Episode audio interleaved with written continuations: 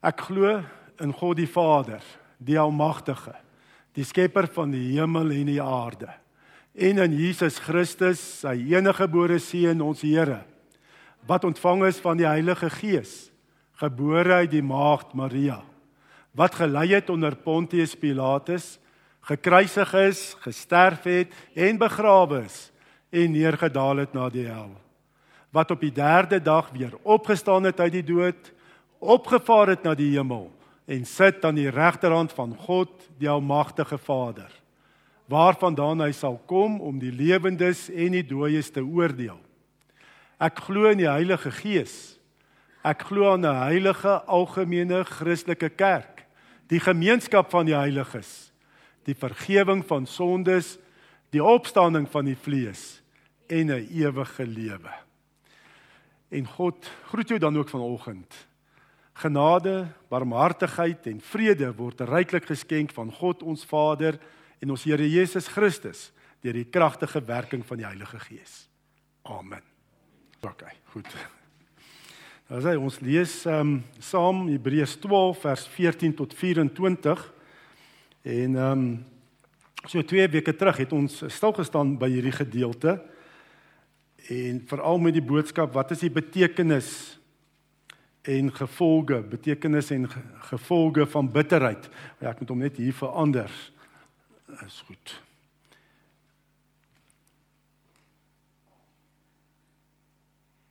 Ja. Ehm um, in laas so twee weke terug veral stil staan by betekenis en vandag veral kyk na die gevolge van bitterheid in ons lewens, maar ek sal net weer 'n samevatting gee van so twee weke terug uh, wat is die betekenis van bitterheid verse 14 tot 24 en ons fokus vers vers 15 Beywer julle vir vrede met alle mense asook vir 'n heilige lewe waar sonder niemand die Here sal sien nie. Sorg dat niemand van die genade van God afvallig word nie. Sorg dat daar nie verbittering soos 'n wortel uitspruit moeilikheid maak veroorsaak en baie besmet nie. Sorg ook dat niemand sedeloos en goddeloos lewe nie soos Esau wat vir een maaltyd sy eersgeboorte reg verkoop het. Julle weet dat hy verwerp is toe hy daarna die seun wou verkry. Daar was vir hom geen moontlikheid om die saak reg te stel nie al het hy met trane daarna gesoek. Julle het immers nie gekom by 'n tasbare berg met brandende vuur, donderwolke, duisternis, stormwind, stormwind, 'n trompetgeskal en geklank van woorde nie. Hulle wat dit gehoor het, het gesmeek dat geen woord meer tot hulle gerig moes word nie. Die bevel dat selfs 'n dier wat aan die berg geraak met klippe doodgegooi moet word, was vir hulle ondraaglik. So angswekkend was die verskynsel dat Moses uitgeroep het: Ek sidder van angs. Maar jy het wel gekom by Sionsberg en die stad van die lewende God. Dit is die hemelse Jerusalem met sy miljoene engele by die feestelike samekoms, die vergadering van die eersgeborenes wie se name in die hemel opgeteken is. Jy het gekom by God wat regter oor almal is en by die geeste van die wat vrygespreek en wat nou volmaak is. By Jesus die middelaar van die nuwe verbond en by die besprinklingsbloed wat van iets beters getuig as die bloed van Abel. Fokusvers is vers 15 sorg dat niemand van die genade van God afvallig word nie sorg dat daar nie verbittering soos 'n wortel uitspruit, moeilikheid veroorsaak en baie besmet nie. Ja, die geestelike betekenis van bitterheid, as ons dink twee Sondae terug vinnig dit saamvat en dit is dat bitterheid nê nee, is 'n teken van afgodery. En hoekom sê ons dit? Want jy gee aan 'n ander persoon wat jou nou te nagekom het of omstandighede, gee jy die reg om vir jou te sê wie jy is, jou waarde bepaal eintlik dat jy niks is nie, eh, om te sê wat is jou welsyn, om te sê uh, wat is jou toekoms, jy jy dit is verwoes, daar's geen hoop meer vir jou nie. So jy gee aan iemand of 'n omstandighede die reg om te sê wat is jou waarde en hoe lyk jou toekoms?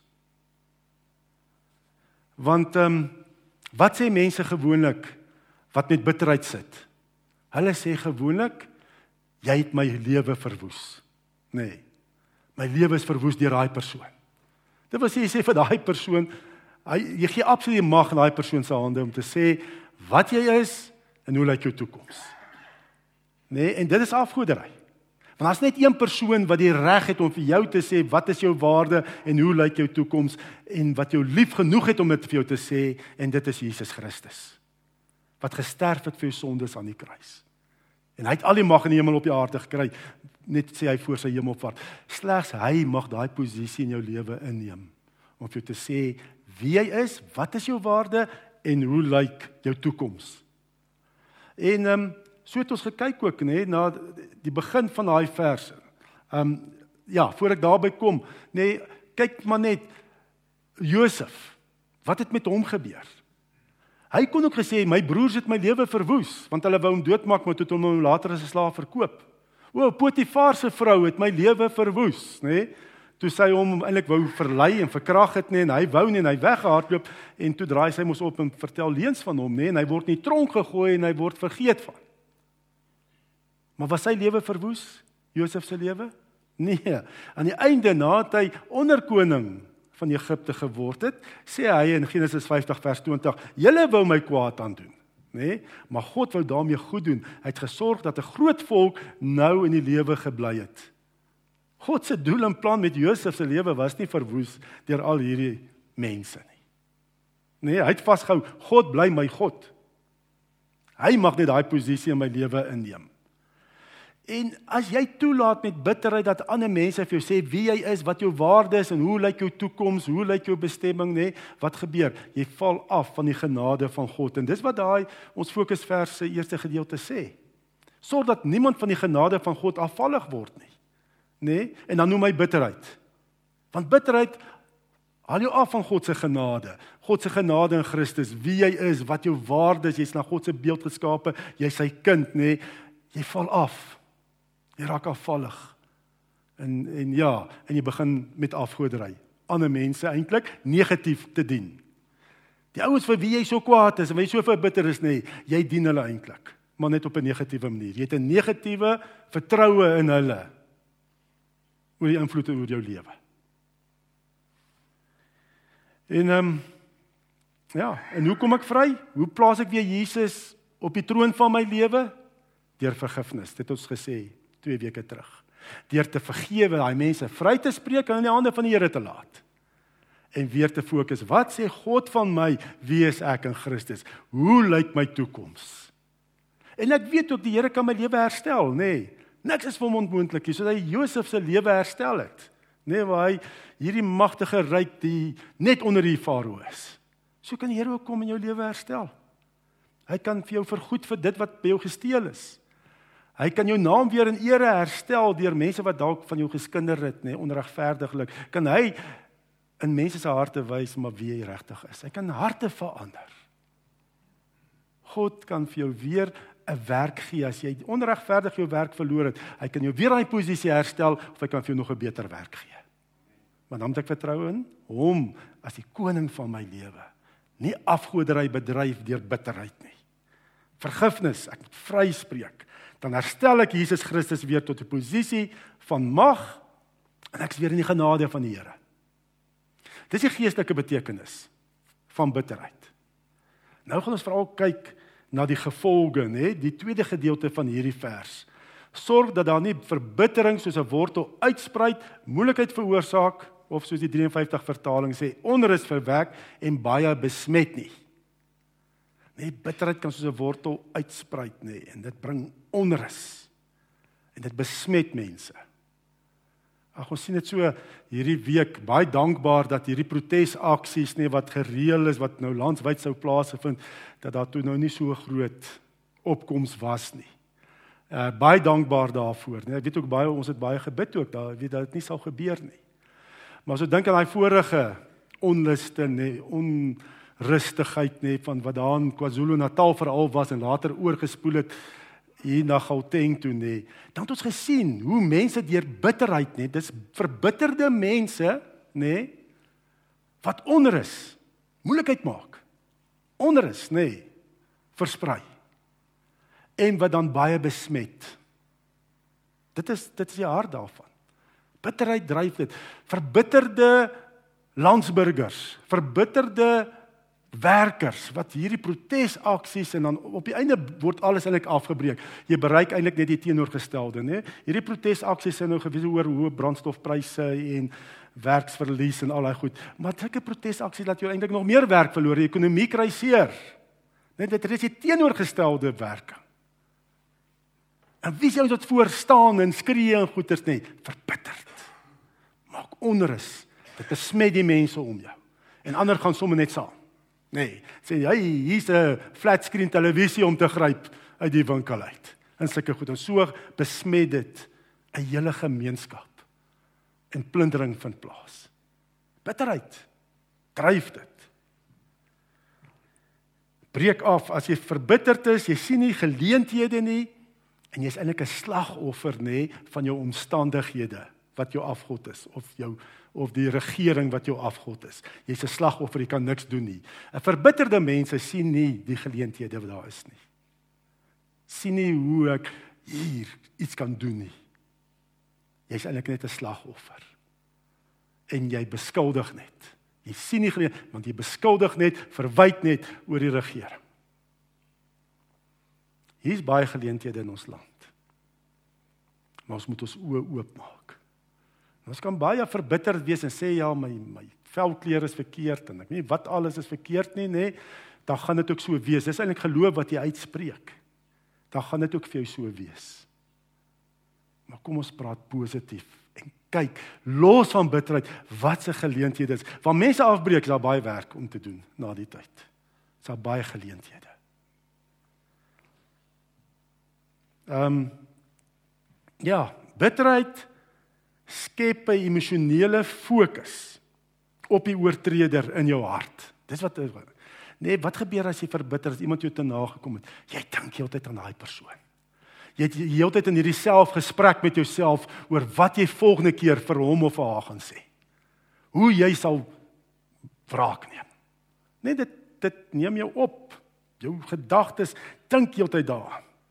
En baie keer, wat gebeur as ek verbitterd is teenoor iemand? Ek maak hierdie innerlike beloftes. Ek lê hierdie innerlike beloftes in my hart af. Ek sal nie weer toelaat dat iemand op my trap nie. Ek sal net nooit soos my pa of my ma raak nie. Soos dit as 'n voorbeeld vat. Nooit soos hulle word nie. Jy lê hierdie innerlike beloftes af. En ehm um, ja, maar ongelukkig hierdie innerlike beloftes, inner wells, soos hulle sê in Engels, nê? Dit aktiveer baie keer 'n geestelike mag in jou om dit te herhaal in jou lewe. Deur daai innerlike beloftes aktiveer jy eintlik 'n mag. En dit gebeur, jy produseer eintlik reeds dit, die kwaliteite in jou lewe wat jy reeds haat in die persoon wie jy nie kan vergewe nie. Dis net hoe dit werk. Later kom mense af maar ek word presies, o, oh, ek word presies soos my pa, presies soos my ma as ek daai innerlike belofte ek wil nooit so Maar as jy heeltyd fokus op hulle negatiewe punte nê, dis soos 'n autofokus kamera. Jy word so. Die enigste jy word presies dieselfde. Dit aktiveer eintlik 'n geestelike mag dat jy daai kwaliteite reeds produseer in jou lewe wat jy nie van hou van die persoon wat jy nie kan vergewe nie. Dis hoe erg dit is. Bitterheid. Ehm um, Ja. En dan staan daar ook in hierdie vers dit besmet nie net jouself, jou hart nie, dit besmet ook ander mense om jou, né? Dis soos 'n vrot appel. As jy 'n pak appels koop en as een vrot appel, jy moet so gou as moontlik uithaal of die ander word aangesteek of 'n pak aardappels. Dis die groot probleem ons van aardappels, hy's 'n toepak en dan maak jy oop en ryk jy net uh, ja. En wat? Haal so gou as moontlik die vrot uit. En dis wat gebeur ook met bitterheid in ons harte. Dit is nie net vir jouself nie, maar ook baie Nee, die Grieks poloi, dit besmet baie om jou. Dit het ook effek op die mense om jou. Nie net op jouself nie. Ehm um, dit stel baie keer 'n generasiepatroon in werking. En daai selfde negatiewe dinge net vloei voort van generasie na generasie na generasie. Van verhouding tot verhouding tot verhouding. Nee, as jy toelaat dat bitterheid wortels skiet in jou hart. Dit bring onrus in jou huis. En dit besmet mense in jou huis. Daai selfde generasiepatrone sit voort. ag in die praktyk al gesien ook hoe in families nê nee, dieselfde negatiewe karaktereienskappe word so oorgedra van geslag tot geslag tot die derde, vierde geslag. Word dit so oorgedra. Dit ook al gesien, daai selfde dinge. Dit word gedryf deur bitterheid baie keer. Ek lees van 'n geval 'n vrou wat op die punt staan om haar derde man te skei. Sy word gevra, "Hoekom wil jy van hom skei?" Nee, hy's 'n leiaard en uh en hy's 'n verslaafde. Sy word gevra, "Hoekom het jy geskei van jou tweede man?" Dieselfde. Hy was 'n leiaard en hy's 'n verslaafde. Jou eerste man nog erger. Hy was nog 'n groter leiaard en verslaaf. En toe word vag vra en hoe is jou verhouding met jou pa? En sy word kwaad. En sê hy was alkolikus en hy het my fisies mishandel. So sien 'n ou hoe het sy deur bitterheid wat eintlik van haar pa begin het, geproduseer in die mense met wie sy verhouding staan, dieselfde karaktereienskappe. Jy produseer dit eintlik in hulle. Nee, ja, hierdie man gaan ook weer 'n leiaard wees en 'n verslaafde en dan gebeur dit? Nee, so verhouding tot verhouding, generasie na generasie, produseer jy reeds daai kwaliteite wat jy nie van hou nie, wat jy eintlik haat aan mense wat jy nie kan vergewe nie. En dit moet gebreek word. Nee, dit moet gebreek word. Wat produseer jy in jou huis? Wat produseer jy in jou man en vrou deurdat jy dalk nie kan vergewe iemand nie kan vergewe nie? Wat is die produk van jou lewe in jou huis, in jou man, jou vrou, jou kinders. Is dit dalk dit, nê, nee, omdat jy nie kan vergewe nie? So ons die ons moet vergewe. Dis die belangrike ding. Dis hoe jy vrykom van bitterheid, van afgoderry. Nê, nee, en die sleutel om te kan vergewe, nê, nee, skei iemand se identiteit van sy of haar se gedrag nê, nee, skei die identiteit van gedrag. Ehm um, so soos wat God met ons werk. God vergewe ons en ek weet nie een van ons is baie goeie mense nie, nê. Nee, ons kan nie op grond van hoe ons lewe dat God ons vergewe nie. Maar hoe vergewe God ons? Hy skei ons identiteit in Christus van wat ons doen. En so kan God my vergewe, my aanvaar, my lief hê, nê, nee, van wie ek is in Christus maar nog steeds nie die sonde verduur nie. Die sonde haat. Want God skei my identiteit van my gedrag. Ons word nie deur werke gered nie, maar deur genade in Christus.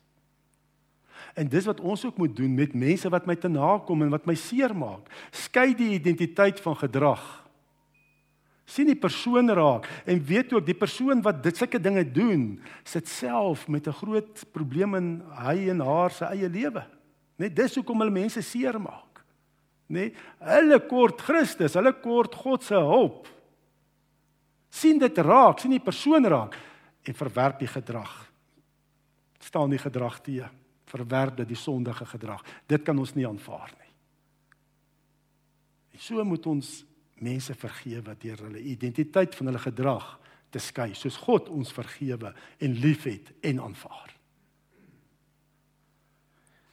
En nog 'n gevolg van bitterheid dit blokkeer God se genesende liefde en krag in jou lewe. Dat God jou nie kan genees nie. Nee as jy 'n uh, vestingmuur, 'n uh, beskerming, verdedigingsmeganisme van bitterheid oprig in jou lewe nê. Dit hou ook God se liefde uit. Want Johannes skryf in sy eerste brief, 1 Johannes 4 vers 20. As iemand sê ek het God lief en hy haat sy broer, is hy leenaar want wie sy broer wat hy kan sien nie liefhet nie, kan onmoontlik vir God lief hê wat hy nie kan sien nie. So as jy jou broer of suster haat, nê, nee, bitterheid in jou hart het, kan jy nie sê ek het God lief nie. Van daai verbittering nê, nee, is soos 'n vestingmuur, is 'n selfverdedigingsmeganisme, is soos 'n dop om jou. En God se liefde kan nie in jou hart invloei Sy genesende krag en liefde kan nie kom om jou hart reg te maak nie. Jy hou dit buite deur daai bitterheid. Want wat is die proses gewoonlik as ek verbitterd is? Ek rig hierdie muur op, né, nee, van bitterheid. En dit blokkeer God se liefde. En ehm um, ja, en hierdie bitterheid vergiftig my dan verder in my hart. Ek hou dit binne. Ek kan nie ek ontslaa raak nie. Ek het hierdie verbittering nê en dit broei hier in my. Dit word eintlik net erger en erger soos 'n pot wat oorkook. En ehm um, op die einde kan jy God se liefde en genesing nie ontvang nie. Die snaakse ding van onvergewensgesindheid of bitterheid is nê, as ek dit kan vergelyk met 'n voorbeeld is jy drink gif en jy hoop daai ou gaan dood. Dis wat bitterheid doen. Jy drink geestelike gif self en hoop daai ou wat teen jou oortree het, gaan iets oorkom. Dit raak net vir jou nie daai persoon nie. Dis jy wat jouself vergiftig. Ja, dit isoleer my van God se genesende krag en liefde. En God se liefde kan nie deur my vloei nie. Net dit is mos waarvoor ons geroep is. Die groot opdrag om God bo alles lief te hê en my naaste soos myself. Net dit is wat moet mos gebeur. Dis wat jou geestelike volwassenheid uh, bepaal. Hoeveel liefde jy kan ontvang van God in Christus, daai genade liefde. Hoeveel liefde jy kan ontvang en dit weggee terug aan God en aan jou naaste wat na God se beeld geskaap is. Dis waarvoor ons geroep is eerstens. God se liefde moet deur my vloei. Moet ontvang van God in Christus, dit teruggee aan God en aan my naaste rondom my wat na God se beeld geskaap is. Bitterheid soos 'n kanaal wat jy toemaak. Maak dit toe. Hy liefde van die Here kan nie deur jou vloei nie. Ja, en uh, wat sê Paulus? Hy skryf aan Efesiërs 4 vers 30 tot 31 en moenie die Heilige Gees van God bedroef nie, want hy het julle as die eiendom van God beseël met die oog op die verlossingsdag. Moet nooit verbitter of opvleend wees of woedend word nie. Moenie vloek of skel nie. Moet niks doen wat sleg is nie. So wat is wat is bitterheid? Dit besmet baie mense. Die mense om jou, dit raak nie net jouself nie. Dit blokkeer God se liefde en genesende krag in jou lewe en dan nog verder dit bedroef die Heilige Gees. Dis die effek van bitterheid. Dit bedroef nog die Heilige Gees se werking in jou lewe ook. En ehm um, ja, en dit ons gaan ook nou vanmiddag ook weer kyk by die profetiese kursus, nee, om regtig profeties dat die Heilige Gees se gawe deur kan funksioneer, moet jy vry wees van bitterheid. Verbitterde persoon kan nie by die Here hoor nie. Net dit blok God se liefde. Dit jy bedroef die Heilige Gees en sy werking in en deur jou. Ehm um, ja. En daarom dit kan selfs 'n invloed hê op jou fisiese gesondheid. Dit dit is net so, nê? Ehm um, my geestestoestand raak my liggaam ook. Die mediese wetenskap het dit oor en oor bewys. Hulle praat van tot 88% van alle siektes nê is psigosomaties van oorsprong. Sê die mediese wetenskap self. En ek het al vertel van die dokter wat oorwinnaars gedoen het en hy het hierdie tannie gehad wat se leer so dik sy het met alle siekte wat daar is het sy gehad. En hy het so moedeloos geraak en van gevra tannie, is daar nie dalk mense wat jy moet vergewe nie? En sy's daar weg. En sy het teruggekom sê ja, sy het 'n klomp mense vergewe en haar leer het gekrimp tot 'n normale grootte vir haar ouderdom. Dit vergiftig jou liggaam ook. So jy drink gif en hoop daai ou gaan of sy gaan iets oorkom. Ehm um, maar nou die wonderlike is Paulus gaan verder in vers 32 en hy sê: "Wees goedgesind en hartlik teenoor mekaar en vergewe mekaar, soos God julle ook in Christus vergewe het."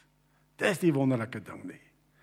Ehm um, breek hy selfverdedigingsmeganisme van bitterheid in jou lewe af, man, los dit. Dit help jou niks, dis net sleg. Breek dit af met vergifnis.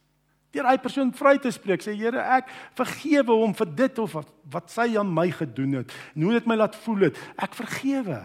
Ek plaas in u hande. Seën daai mense want hulle het self seer. Dis seer mense maak seer. Dis hoe dit werk. Mense wat so seer maak is self verskriklik seer. Plaas hulle in God se hande dat die Here met daai persoon sal werk en maak jou hart oop om God se genesende krag en liefde te ontvang in jou lewe. Om jou seer te genees. En so breek jy ook generasiepatrone. Dat daai daai bitterheid, daai patrone, negatiewe karaktereienskappe nie oorgedra word van geslag na geslag na geslag nie. Net daai derde, vierde geslag lees ons in Eksodus 20. Breek dit. Wees vry. Maak jou nageslag ook vry in Christus. Lewe in die genade van die Here. Want dit is wat ons ook nou gaan vier ook met nagmaal, nê? Wat wat sê nagmaal? Nagmaal sê vir my die Here het my vergewe. Nê, hy het my sondes. Hy maak my gedrag los van wie ek is. In Christus kom God en sê hy vergewe, hy skeld al jou sonde vry. Want jy is so kosbaar soos die bloed van my seun, die liggaam van my seun wat gebreek is aan die kruis. Ek aanvaar jou in Christus.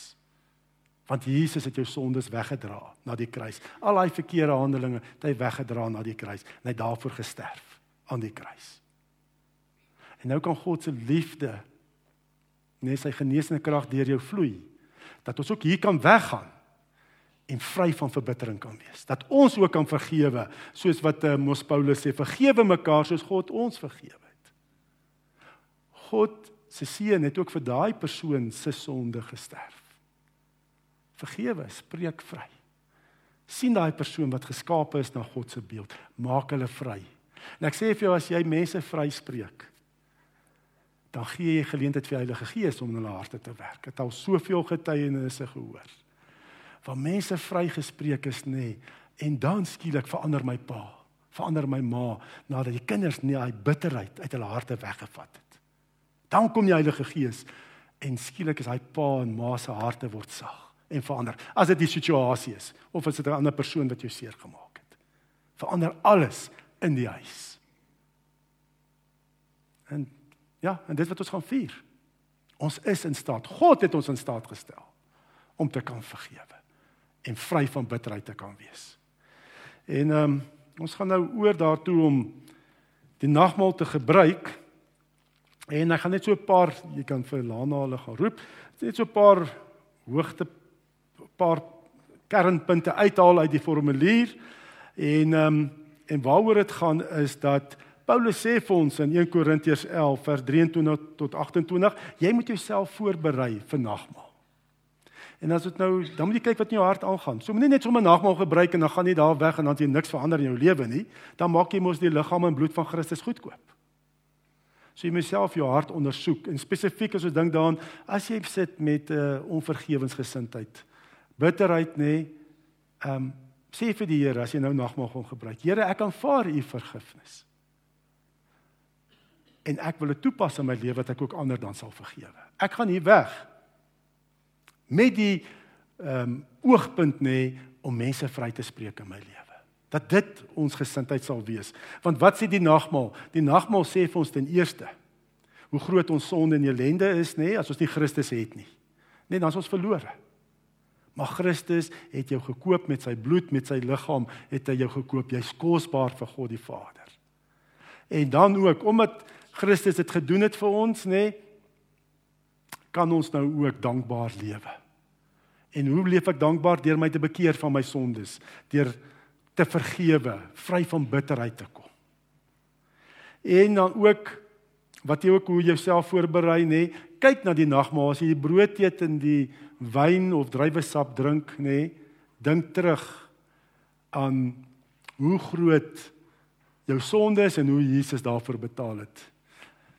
Dan sê Lana baie welkom julle in die jeug ja so as ek 'n nagedagtenis 'n uh, maaltyd nê dat ons terugdink aan die effek van ons sondes. Jy weet die enigste ding wat ek en jy bygedra het, nê? Nee, Matt, jy sê gewoonlik dit ook op die oorwinnaars.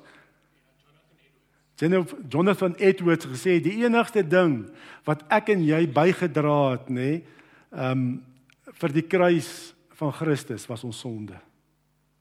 Dis die enigste ding wat ons bygedra het. Dis net ons sondes. Ehm um, daar's niks verder wat ons bygedra het want dit het Christus in die kruis laat sterf. bittere kruislyder daardeur gaan. En nog 'n ding wat ons ook sê as ons nagmaal gebruik en dit is dat ons een liggaam van Christus hier is. Nê? Nee, die Gees bind ons in 'n een eenheid saam. En daarom moet hier liefde in so 'n liggaam van Christus soos die gemeente, moet daar liefde en aanvaarding wees van almal. Kan nie hierso sit en ek sê maar kan my broer of suster nie vergewe nie. Daar's aanvaarding, ons is een liggaam. Ons het mekaar nodig. Elkeen het 'n verskillende gawe wat hy of sy het vir omdat hierdie liggaam te kan funksioneer. Ehm um, ja, dit is waaroor die nagmaal gaan en uh, kom ons bid dat die Here ook hierdie nagmaalviering sal seën. Here, dankie dat ons as gemeente ook die bittere kruis dood van Christus kan herdenk met hierdie nagmaal. Ook kan dink aan ons sondes, maar dat dit weggevat is in Christus, so ver as die ooste verwyder is van die weste, sê Psalm 103. En dat ons dan ook Here krag kan ontvang met hierdie nagmaalviering. Heilig is dat U kragtig in en deur ons werk dat ons kan vry gaan lewe daar in die wêreld. Mense kan vryspreek, kan getuig van die 'n bekeringslewe kan lei en nie volhard met die sondes nie. Kom versterk ons en Here Jesus, ons weet ja, U is die gasheer van die nagmaal. Ons vier dit in U naam alleen. Amen. En die getroue God seën jou ook nou Die genade van ons Here Jesus Christus en die liefde van God die Vader en die gemeenskap van die Heilige Gees sal by ons elkeen wees en bly. Amen.